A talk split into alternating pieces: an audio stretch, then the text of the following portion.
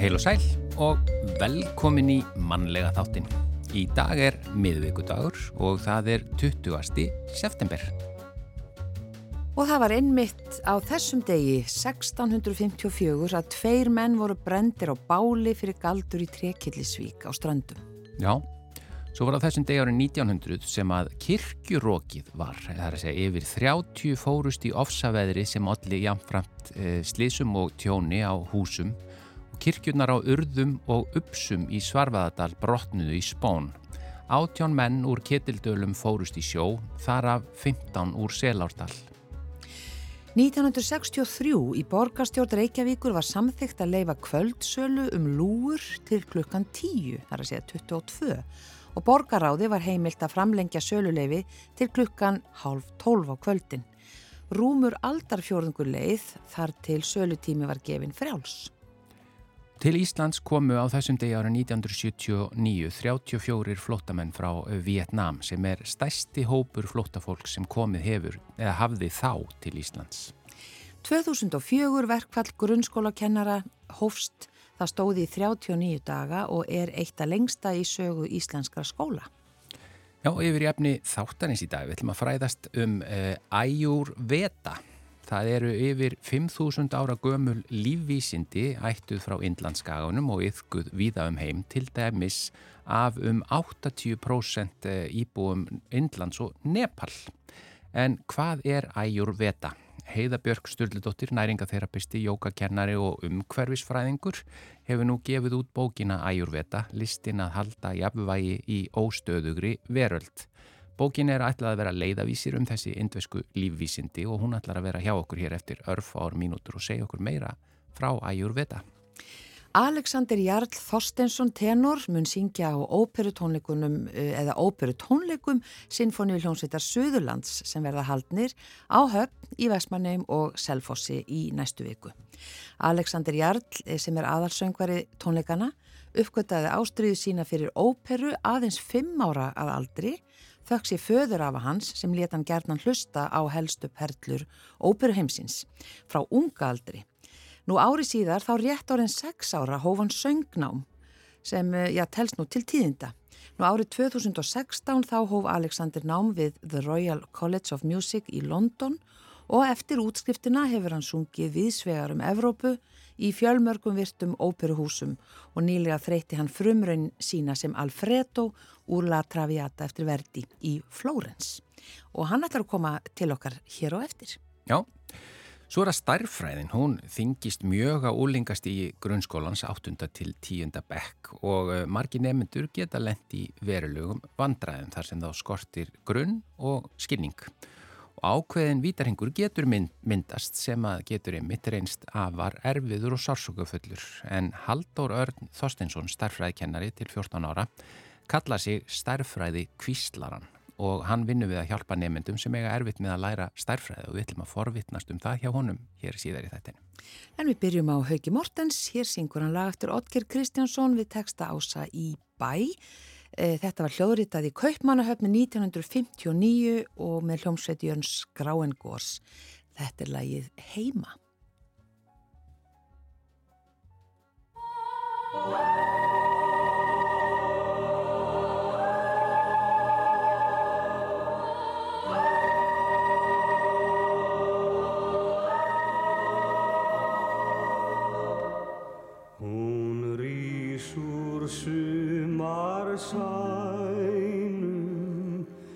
Sylki mjúkum blænum með fjöll í feldi grænum. Mín fara heima Við lifsins bögnuð fundum á fyrstu vernsku sólinn hló á sundum og syldu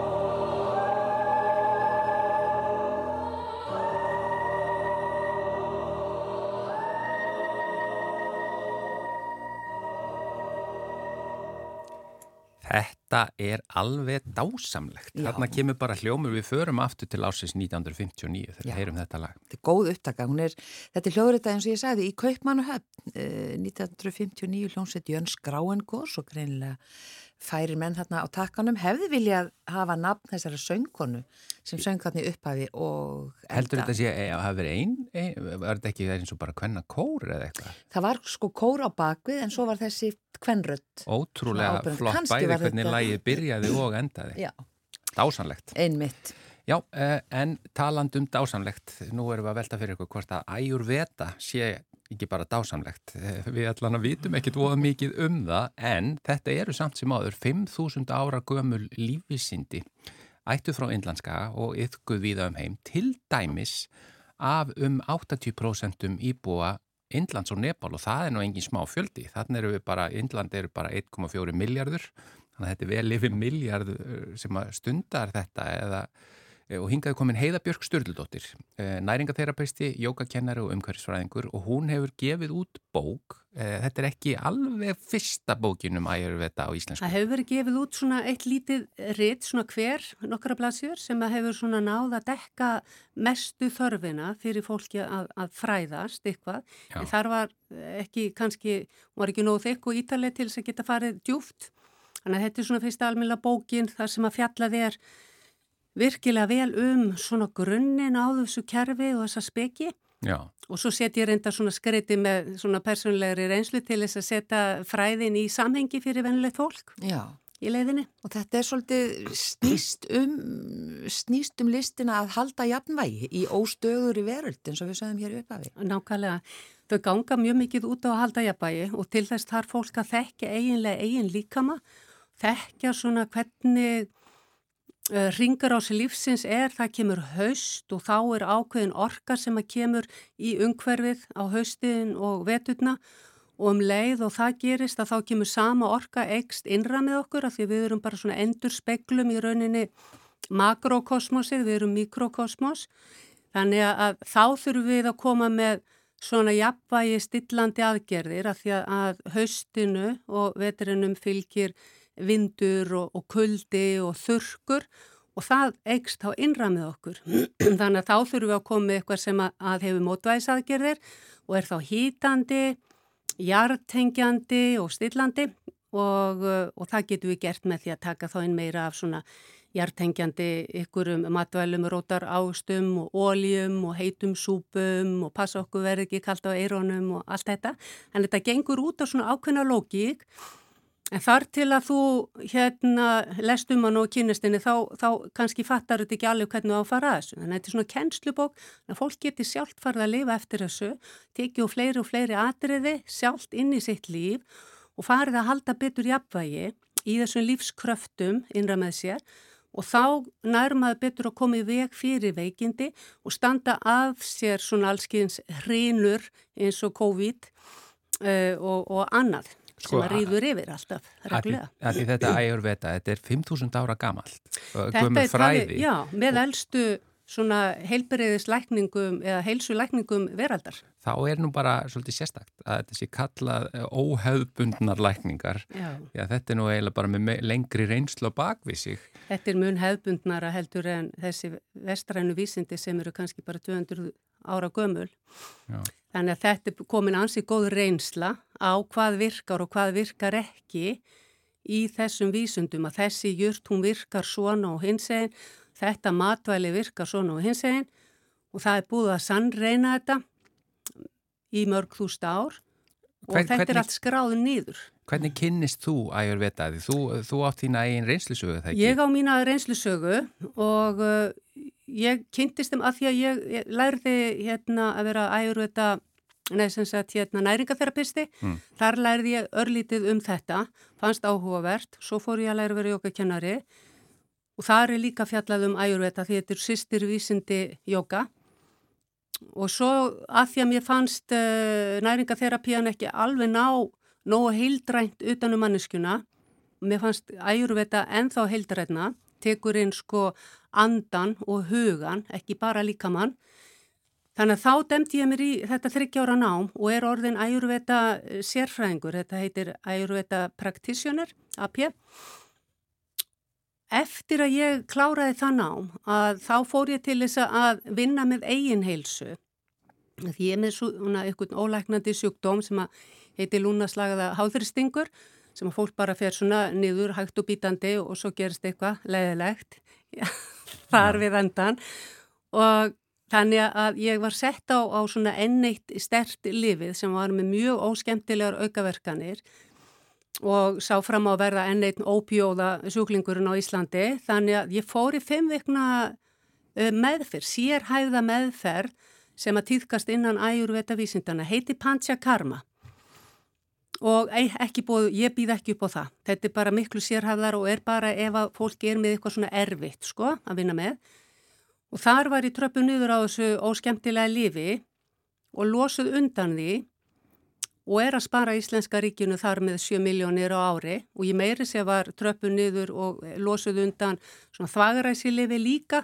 En það er eins og lítið spartnaður í því, það er kannski 100.000 sem bæti stofan á 7 miljónirnar en bara líka gott fyrir líkamann okkar að vera laus við svona mikið yngripp af svona erfiðun livjum. Þannig að þessi meðferð sem þú færði á, á Einlandi hún í rauninni bara kemur í veg að þú þart ekki á þessum lifum að halda í dag. Nei, ég er búin að fara í tjekk og, og það bara lítur allt vel út þrátt fyrir ég sé ekki að taka þetta lif og það átt ekki vera hægt að fara að þessu lifi aftur sko.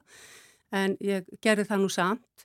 Ég veit ekkit hvað það endist, þú veist, framtíðin er alltaf óvissi okkur öllum og veit ekkit hvað býður handa með hotni. En sem stendur og það er ár síðan ég hætti að taka þetta lif. Ég borgaði miljón fyrir þessa meðferð.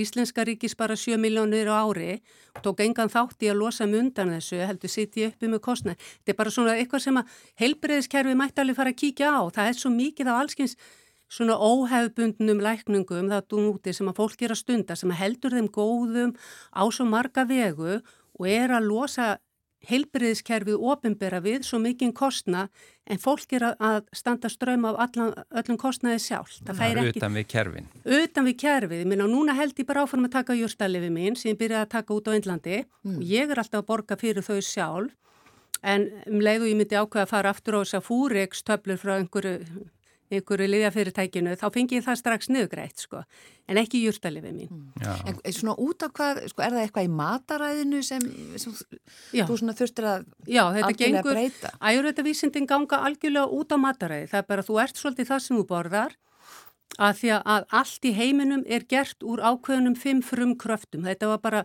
spekingarnir hérna fyrir mörg þúst árum, þeir þurftu að samræmast og sammælast um ykkur hugtökun upp til þess að geta þróað fræðin og rætt saman.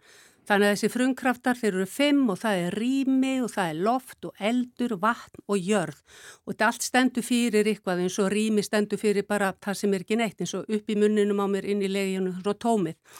Loftið er allt sem er á hreyfingu, blóður á sin eða hreyfing, uh, hægðana niður, ristilinn og svo framvegis, jörðin er það sem að gefa struktúr og svo framvegis. Þannig að þessi fimm frum kraftar, þeir eru í öllum jörtum, öllum matvælum í mismunandi magni. Ég er með meðfæta líkamskerð sem er bara eins og erðamengi mitt, mm. þetta vissum menn fyrir fimmúst árum, og það breytist aldrei yfir æfina og það er sem sagt hvernig þessi frumkraftar raðast niður í heiðbjörg og þegar ég er að setja ofan í mig einhverja jört eða einhver, einhver krydd eða einhvern mat þá er ég að setja hana kort ofan í mig mikið af jörð og vatni eða mikið af rými og lofti eða mikið af eld og svo les mm. og ef að ég er meðfætt mikill eldur, bara hús, pitta hérna keppnismanneskjan, rosalega metnaða full sko, svo mikið íþróttum eða í politík eða eitthvað og ég er alltaf að borða spæsi sem er líka með mikið af eldi í sig, að drekka kaffi, mikið af eldi, mikið alkohól, mikið eldi, þá bara eikst eldurinn og eikst innra með mér. Og endanum er ég orðin svona... bara brennur út? Já, ég geti farið í kulnun, ég geti líka orðið aggressív, ég geti orðið rosalega stjórnsum og alla geltandi og alla í kringum, ég veit best, þá verður pittorganunum svo mikil. Í ójabvægi? Mikið, þá er fólk komið í pittójabvægi. Já. Þetta getur maður lært og að lesa í líkamann, hvað er í gangi núna? Upp, upp, upp, ég er hérna farin að garga á börnin og mannin, best að ég hætti núna í kaffinu og öllu spæsi í svolítinn tíma. Þetta er mjög sko vel sett fram í þessar bóku skýrt þar sem hún er í rauninu bara leiðavísir um þessi indösku lífsvísindi. Já. Uh, en uh, ég bara, við bendum á hana þá, ægjur veta, listin að halda jafnvægi, óstöðugri veröld. Bara þakka þér innlega fyrir Heiða Björg Sturldóttir fyrir að koma og segja okkur, fræða okkur aðeinsum en, en þó þarf að lesa bókinu til að komast betur inn í þetta. Mjög áhugavert. Takk fyrir að bjóða mér.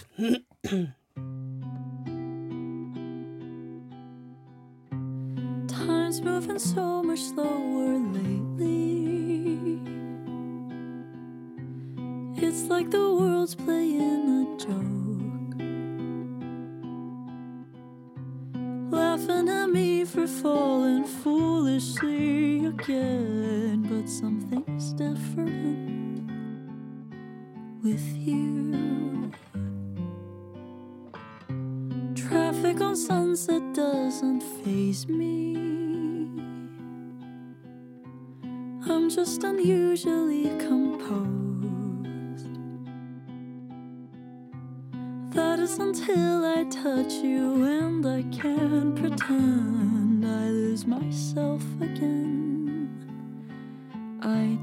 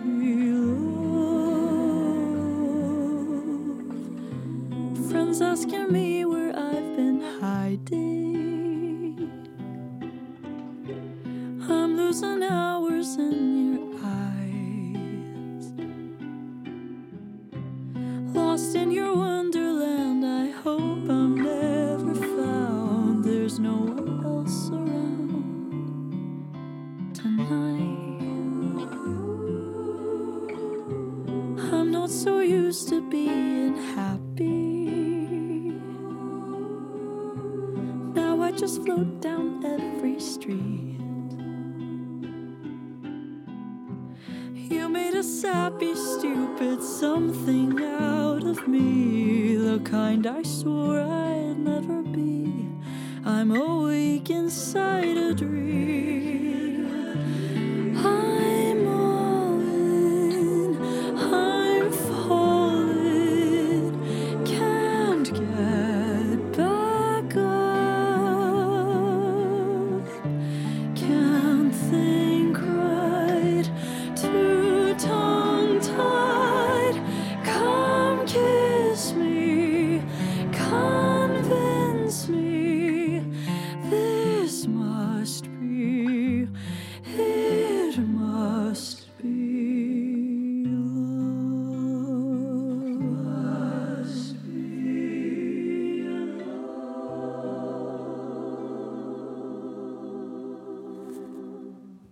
Þetta er hún Lauvei, lægið Must Be Love eftir Max Wolfgang og Freddy Wexler.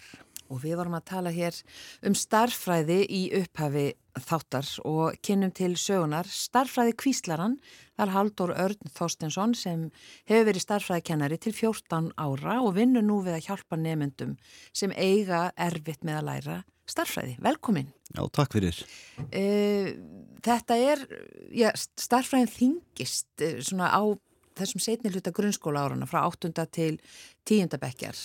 Já, það er oft þannig að svona þegar nefnendur byrji í 8. bekk, sem er á unglingastíðinu, þá fer þetta svona svolítið að þingjast þá kemur þessi frægi algebra til sögunar og, og svona þetta byrjar að þingjast í eitthvað stígi þaðan frá Já, rauninni kannski er hægt að greina einhver starffræði vanda í strax í fymta bekk í sjálfu sér og jafnvel en þá fyrr en það er í rauninni svona flesti tal um það að þetta gekk svona alveg þokkalega eða ágætlega þanga til að koma í áttundabekk þá fór þetta svolítið að þingjast og vefjast svolítið fyrir, fyrir mörgum nefndum. já, ég spyr nú bara eins og vittlisingur, þar maður virkilega að læra algebru?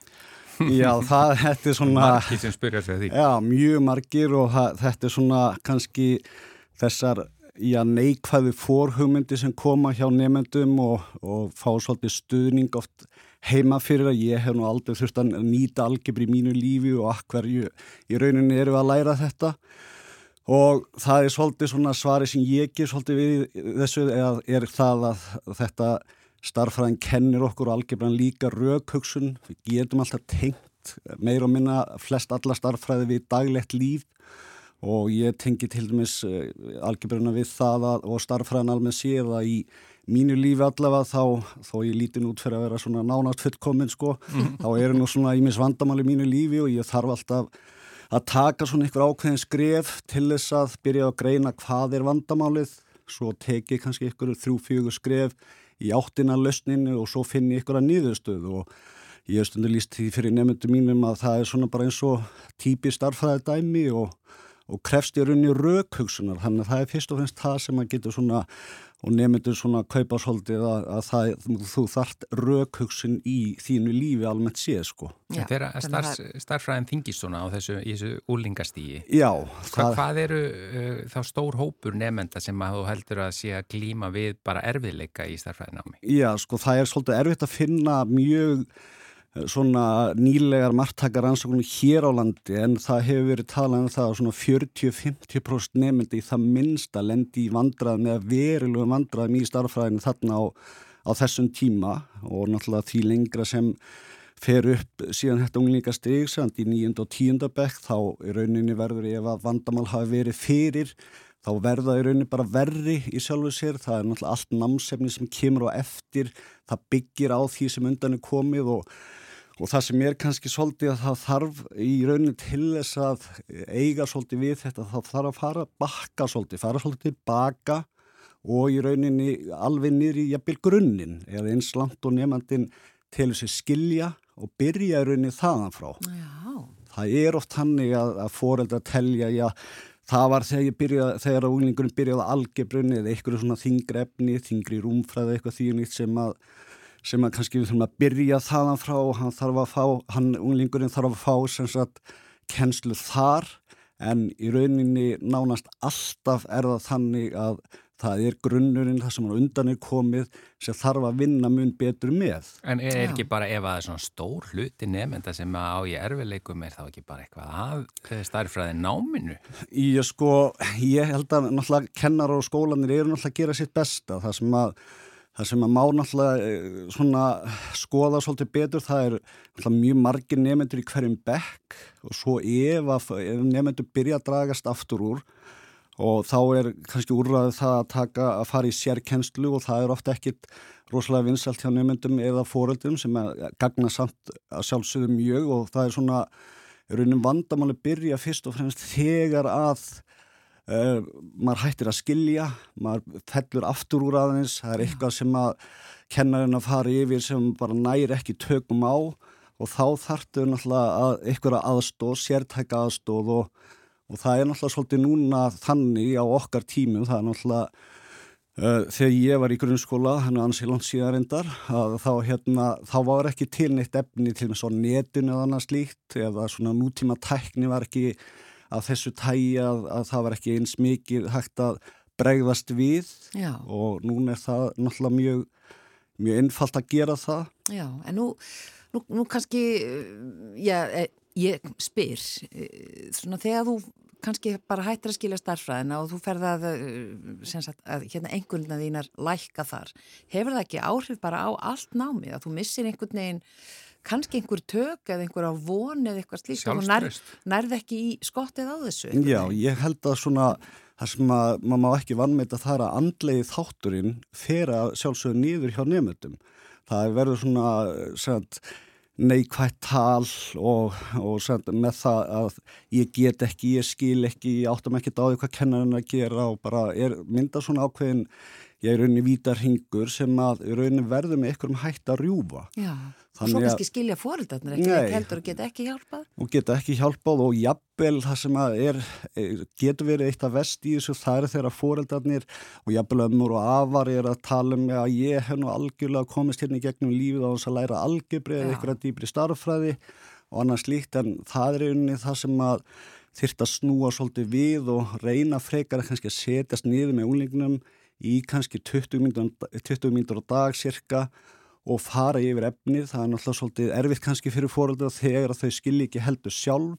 En þá er náttúrulega eins og starfræði kvíslan er með námskeið og uh, hluta til ókipi sem að er farið yfir þessi grunna atrið í starfræðinu þar með talan algebrinu og sett svona í myndrætt form hvernig best er að skilja þetta og í tengst við daglegt líf og annars líkt þannig að og það er ímins úrræði sem hættir að grýpa til til þess að hjálpa til og, og það er svona svolítið já, metnaður að minni halvu og, og, og margra margra annara að laga þetta og líka þetta viðhor til starffræðinar já. að viðhorfið og þessi andlið þáttu sjálfströstið það er svolítið líka með, með starffræðinni svo eflaust allra námsgreinar að það þegar þú finnur að þú getur byrjar að geta ykkur ákveðin aðtriði þá svona byrja boltin svolítið að rúla áfram. Og þannig að þessuna má maður aldrei vannmeta sálræna þáttin í þessu að litli sigrar þeir skipta svo miklu máli í á þessu stíi, sérstaklega þegar staðan hefur kannski verið frekar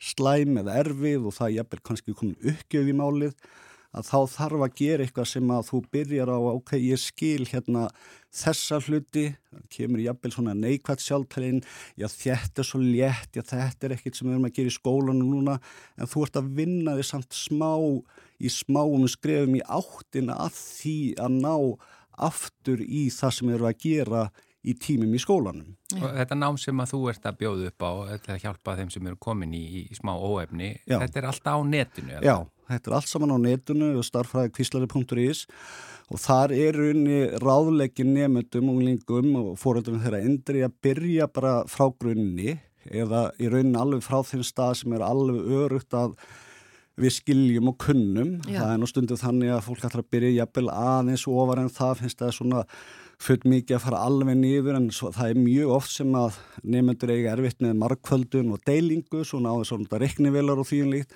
og það byggir síðan áfram þetta, þessi atrið byggja síðan áfram smátt og smátt á þessum atriður sem eru þarna. Þannig að það er ekki það að það sé bara algebrann eða einhver uh, erfi rúmfræði eða komið langt inn í krossstýttingar í almenni brotum eitthvað þýjumlíkt. Það er miklu fyrr sem að þú þarfst að uh, raunin taka 2-3 skrif tilbaka til þess að komast 1-2 skrif áfram. Já, og eins og ég segir, það er þetta viðhór sem skiptir svo miklu máli.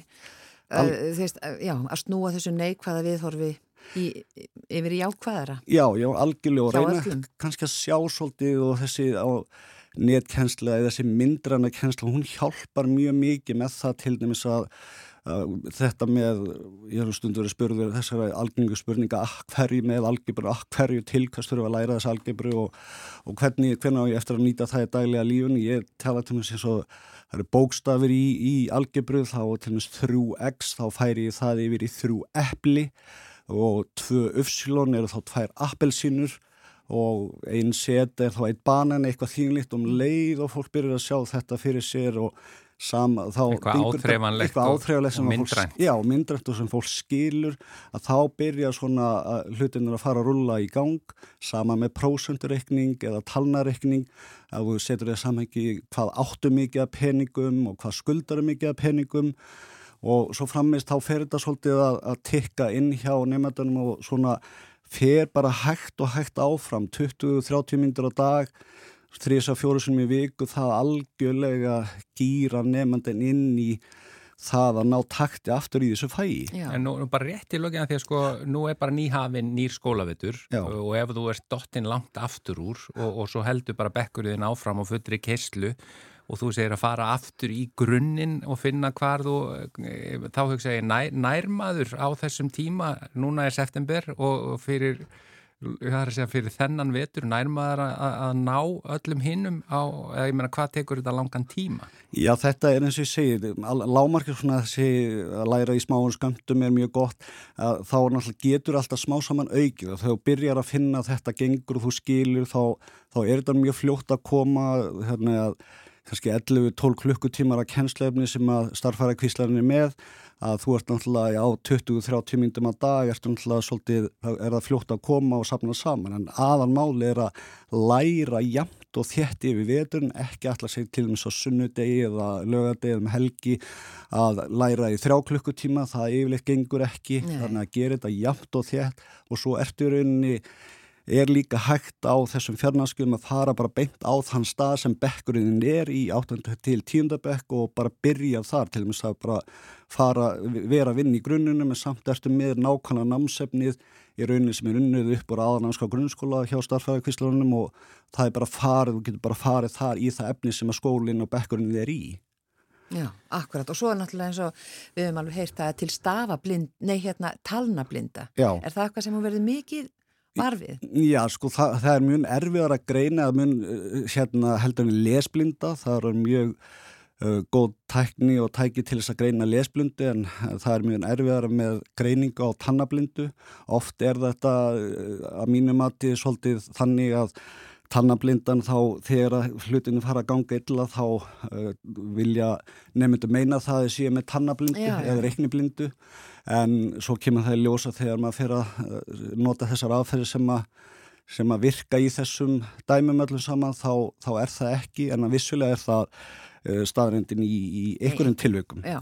Kæra þakki fyrir komin að Haldur Örn Þorstinsson, starfræðikennari og starfræði kvíslari og það má benda þess að síðu starfræðikvíslarin.is Svo hveður mann hver þá morgnar mætur í raunum sínum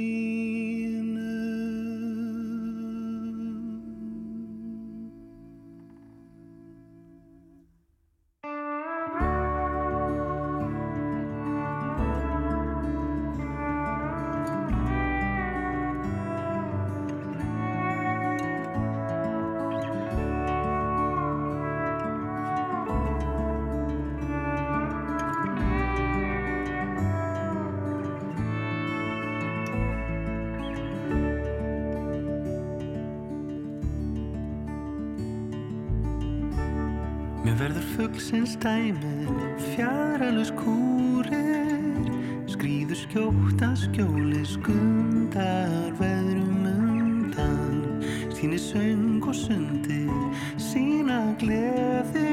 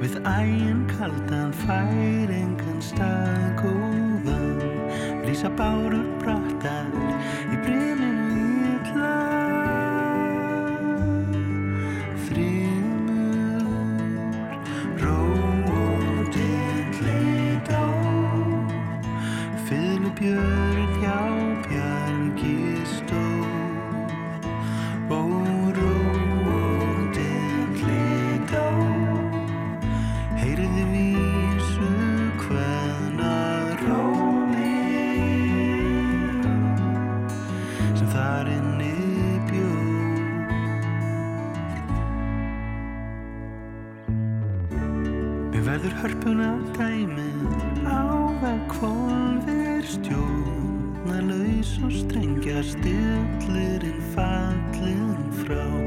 Vellur og sót og sorti saknar mann svo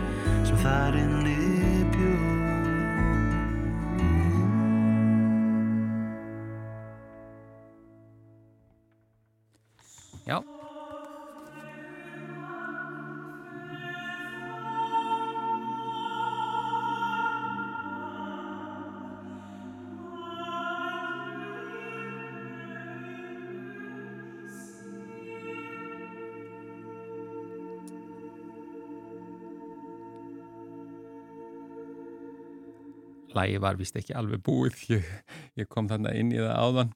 Uh, áður en þessir fallegu loka tónar komið, þetta var Snorri Helgason að lagið Vísa uh, Fyðlubjörs, uh, lag eftir hann og uh, höfundur texta var ókunnur. Já, ókunnur texti, e, eða þar sé texta höfundur. En e, við erum komið með hann hér tenorinn, Alexander Jarl Þorstensson, sem ætlar að syngja á óperutónleikum Sinfoníul Hljómsveitar Suðurlands, núna í næstu viku, tónleikar sem verða haldnir á Höfn, í Vestmanneum og á Selfossi. Og e, velkomin, Alexander. Takk fyrir. E, þú hófst nú að syngja frá unga aldri, e, bara, hvað, þú hófst söngnám sex ára en byrjaði svona kannski að uppkvæta óperur fimm ára og það þakkar þú föður af að þínum. Já, hann sem sagt sko við, við hefum sumabústæði sumabústæði Vanesi og við tókum oft hérna bara flugvél frá Vestmannum á Bakka og síðan kerðum við það þetta var allt svona, svona einn og hálfur tími. Þessi rúndur hafa hann sko tekið hérna vínilplötu og sett hann á geisladisk af ungum strák frá Napoli sem heitir Robertino Loretti. Já. Robertino. Já, Já, og hann spilaði þessi lög bara aftur og aftur upp á slögin hans. Og þegar maður á þessum, á, á þessum aldri að þá er maður svampur sko og ég byrjaði að raula með. Og, og síðan vildu við alltaf hlusta á sömu lögin aftur og aftur nokkur svona uppáhaldslög sem við hlustuðum á aftur og aftur og þá byrjaði að pikka upp textan og held að Ósóli Míu hafi komið hana fyrst. Já, það var upp á slægjans hafa allavega já, og, og síðan hérna var ég byrjað að syngja bara fullum krafti þessi Napolitanlög og afi ákvað síðan að kaupa eitt geislatis með Pavarotti að því ég söng Napolitanlögin eins og, eins og óböru söngvari Mm. Þannig að hann keifti, já, disk með Pavarotti og ég gerði lítið mun á milli, sko, Robertino og Pavarotti. Já. ég byrjaði að syngja með óperuarjunum líka. En svo, Nessun Dorma, hérna, sex ára gammal, Ladoni Mobile, Mm. en á svona ítölsku, innan gæsalappa. Því að ég er svona... Kanski þín eigin útgafa. af Mér fannst ítölsku? rosalega hendugt að syngja bara á ítölsku á, íslensku, á Íslandi Já. því að skildi enginn hvað hva ég var að segja og ekki ég heldur En sko, eh, mér rámar í hérna tíma, þú komst fram í sjónvarpi og, og Jú, jú. Hérna, þú vaktir mikla aðtegli og svo kom bara út heil plata. Jú, það var hérna Diddi Fyrla tók upp hérna plötu með bæði upp á Napolitanlögunum og operarium Já, og þarna er bara Sinfoníu hljómsitt Íslands, það, eða partur af henni. sko, Nei, ja, jú, það er eitthvað partur af henni Já. það er eitthvað partur af henni en það, ég man rosalega lítið eftir þessu ég man bara, þarna var ég hvað, tíu ára ofverkur með aðteglisbrest hérna, ég, ég var snúið mér að ringja þarna, ég man að ég- við ditti, við áttum okkar reyfrildi en erum samt þrjusu vinnir en hérna ég trúi vel að það hefur reynd rosalega þólimanni og greiði ditta að, að vera að taka upp tíu ára gutta frá eigum sem að gati ekki staði kjur Eigum við heyr, eigum við heyra smá brot af hérna læginu Mamma af, af þessari plötu? Jú, mamma verður rosalega glöð með það Er það ekki? Jú. Upp á slæði hennar? Hér, hér er það. Mamma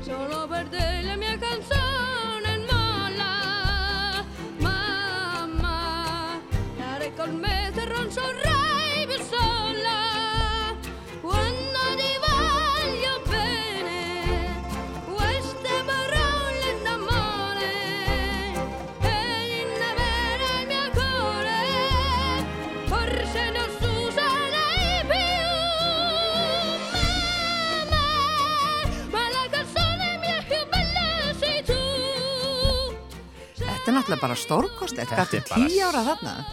Já, ég held ég sem svona tíu ára hana. Þetta er svakaleg rödd. það, ég meina þetta bara, eh, að því þú bara byrjar að herma eftir, eftir hérna Pavarotti og hvað er hann, Pa Robertino. allir- Robertino. Robertino. og þú, þú bara, eh, þetta var ekkert mál. Nei, það er svo fyndið hérna, nú, nú bý ég á Ítalíu og ég er mikið að syngja þessi Napolitanlög þar og ég bý í Flórens en það segja að Napolitan hreimur minn er rosalega góður. Já, Ég hef ekki hugmyndið það. þakks í Robertino. Já, öruglega. Þetta, þessi, það er þessi taktar hérna sem að mm, ég er bara alin upp við, Já, þessir ítölsku tónar. auðvitað. En svo við stökkum bara yfir síðan uh, mörg ár, þá sem sagt uh, 2016, þá hérna hefur nám við Royal College of Music í London og hefur eftir þá útskrift sungið viðsvegar um Evrópu í alls konar óperuhúsum og núna nýlega sem Alfredo í La Traviata Já, og það í Flórens. já. Ég syns að, hérna, það var reyndar, ég atlaði mér að fara til Þýskalands og, en hérna, þessi hann búið að kíkja hans til London og ég vissi ekki alveg hvað verið í gangi þar en ég vissi heldur ekki hvað þetta verið mikilvægur skóli og ég hérna mæti hérna og fundi á bæði kennara og uh, sem sagt Head of Vocal Department. Það var sem sagt tilinn hans, Nick Sears. Og uh, ég vissi ekkert hvað verið í gangi eftir hennar fyrsta fund. Þeir báðu mig síðan bara að hitta aftur á förstu en þetta var eftir hennar þegar við vorum á, hvað var það, HM Já, Þegar- eh, í- EM var fyrsta EM, skipti. Já, þegar, í fótbolta, þegar við unnum Bretland. Já. Þá var ég í EM Bretlandi. 2016. og ég man, sko, ég þorði ekki annan nema þeia að því að daginn, eft, daginn eftir nei, nei, nei, það getur það að vera sko. ég var hérna með aðra íslenska hérna Mezzo, Silja. Elisabeth og, og, og Rannveig Káradóttir Sopran, þær voru hérna báðar á leiknum sko, þær voru hérna að klappa fyrir Íslandi en ég þorði ekki annað en þeia því ég átti fund daginn eftir og ég vildi vera prúður. Og, og með rött Já, já, Já, auðvitað. en það er sá alveg um það að garga fyrir mína höndarna sko. Já, akkurat. en allan og daginn eftir þá var mér bara bóðið skólasettu og að hoppa við bachelor og fara beint yfir á postgraduate Já. Já, þannig að það var valla eins og þú hefði verið að sækjast eftir í þau voru að sækjast eftir að fá þig. já, í raun og veru Mm. þetta var hérna, ég, ég átti ekkert vona þessu átti ekki vona neinu svona en þau töldu hérna, þau geta nýtt mig frekar að hoppa yfir þetta bachelor fjagra ára nám Mm. og gæti þá nýtt mig frekar í sko óperuskólan setna Já, akkurat.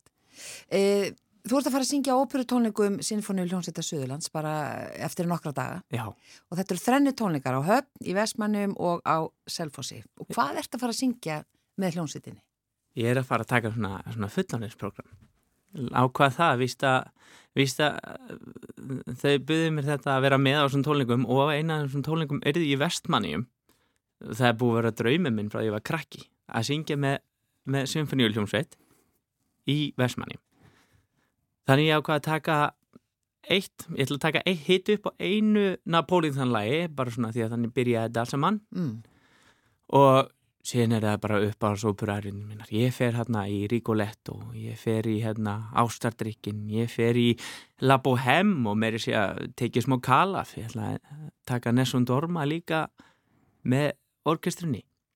Og hvað var það meira? Já, og síðan alltaf hún kærasta mín og, og sóbránsönguna, Mónika Júsko að syngja með mér uh, duettin úr La Traviata, Brindisi Já. og hún ætla líka að taka fyrir okkur Omio Babino Caro Já, hún, hún er með guttfallega rödd Þetta, þetta er bara, algjör veistla. já, þetta er bara stóru hittararnir ef maður orðað þannig. Þetta er bara Eh, alla nákvæmlega. frægustu ariður sögunar Já, og þú, þið rullið þessu bara upp. já þetta var alltaf létt á æfingunni Já, alltaf létt fyrir mig, erfitt fyrir stjórnandan Og það eru kórar hérna með líka. Já, þarna vera hva, bæ, já, kórur frá, frá höfn og kórunu Vestmanniðum eða eins og ég vil kalla þetta ættamótið Já.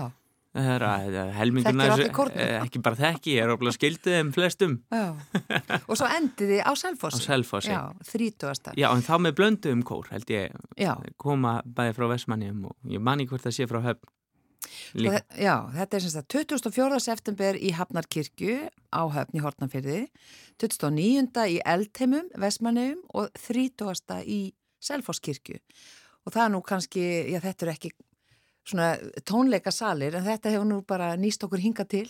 Já, við, að, en það er samt fallegu hljómburður þarna allstaðar á, á öllum þessum stöðum. þetta verður bara geggja svona, þetta er svona hálgjör svona chamber music svona feelingur en með náttúrulega grand tónlist, þetta er náttúrulega rísastór tónlist sem að við erum að, að fara að bjóða upp á sem að er ekki algengt að sé bóðið upp á hérna á Íslandi. Það er þessi stóra tónlist, þessi stóru verk eru svo sjaldan flutt. Já, og koma með þetta í heimahagana, það er ekki verra. En, en þú, að því þú varst í Flórens, uh, ertu, er framundan, ert að fara að syngja út um allt?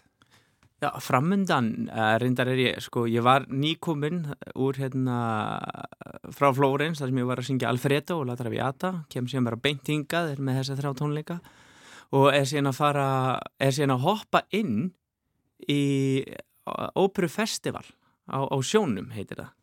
Og hérna, og þetta er svona gegnum franskan útvarps, uh, já, franska útvarstöð, hérna Radio Classic, sem er stærsta sko klassiska hérna útarstöð bara held ég í heimi held ég að sé örglega með það rétt Mm. ég voni sé ekki að ljúa því Og, og hvað Og- er það, og segir? þetta og ég flýg síðan bara beint eftir tónleikana frá, á Selfossi daginn eftir, morguninn, fer ég til Rómar og þar verður ég sóktur og fer um borð á snekju og þar verður ve- mun ég flytja fjórar óperur annað hvern dag og þetta fer hérna um kringum hvað miðjar, miðjarðar hafið og við förum held ég frá Róm til Korsika síðan til Spánar Mm. man ekki alla staðana sem við stoppum og enda í Malaga og þar er ég að fara að syngja hva, ég byrja á La Traviata og síðan er það Madame Butterfly Já, og síðan er það Werther og uh, Carmen.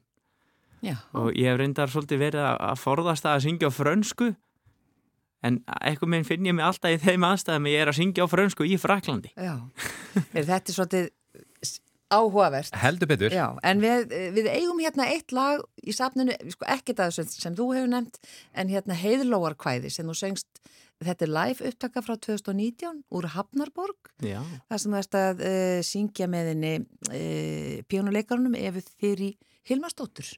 Og við bara svona náum kannski ekki öllu laginu en einhverju og bara takk fyrir komuna uh, Alexander Jarl Þorstensson og það eru þessir óperutónleikar Hafnarkirkju, Eldheimum og Selfosskirkju.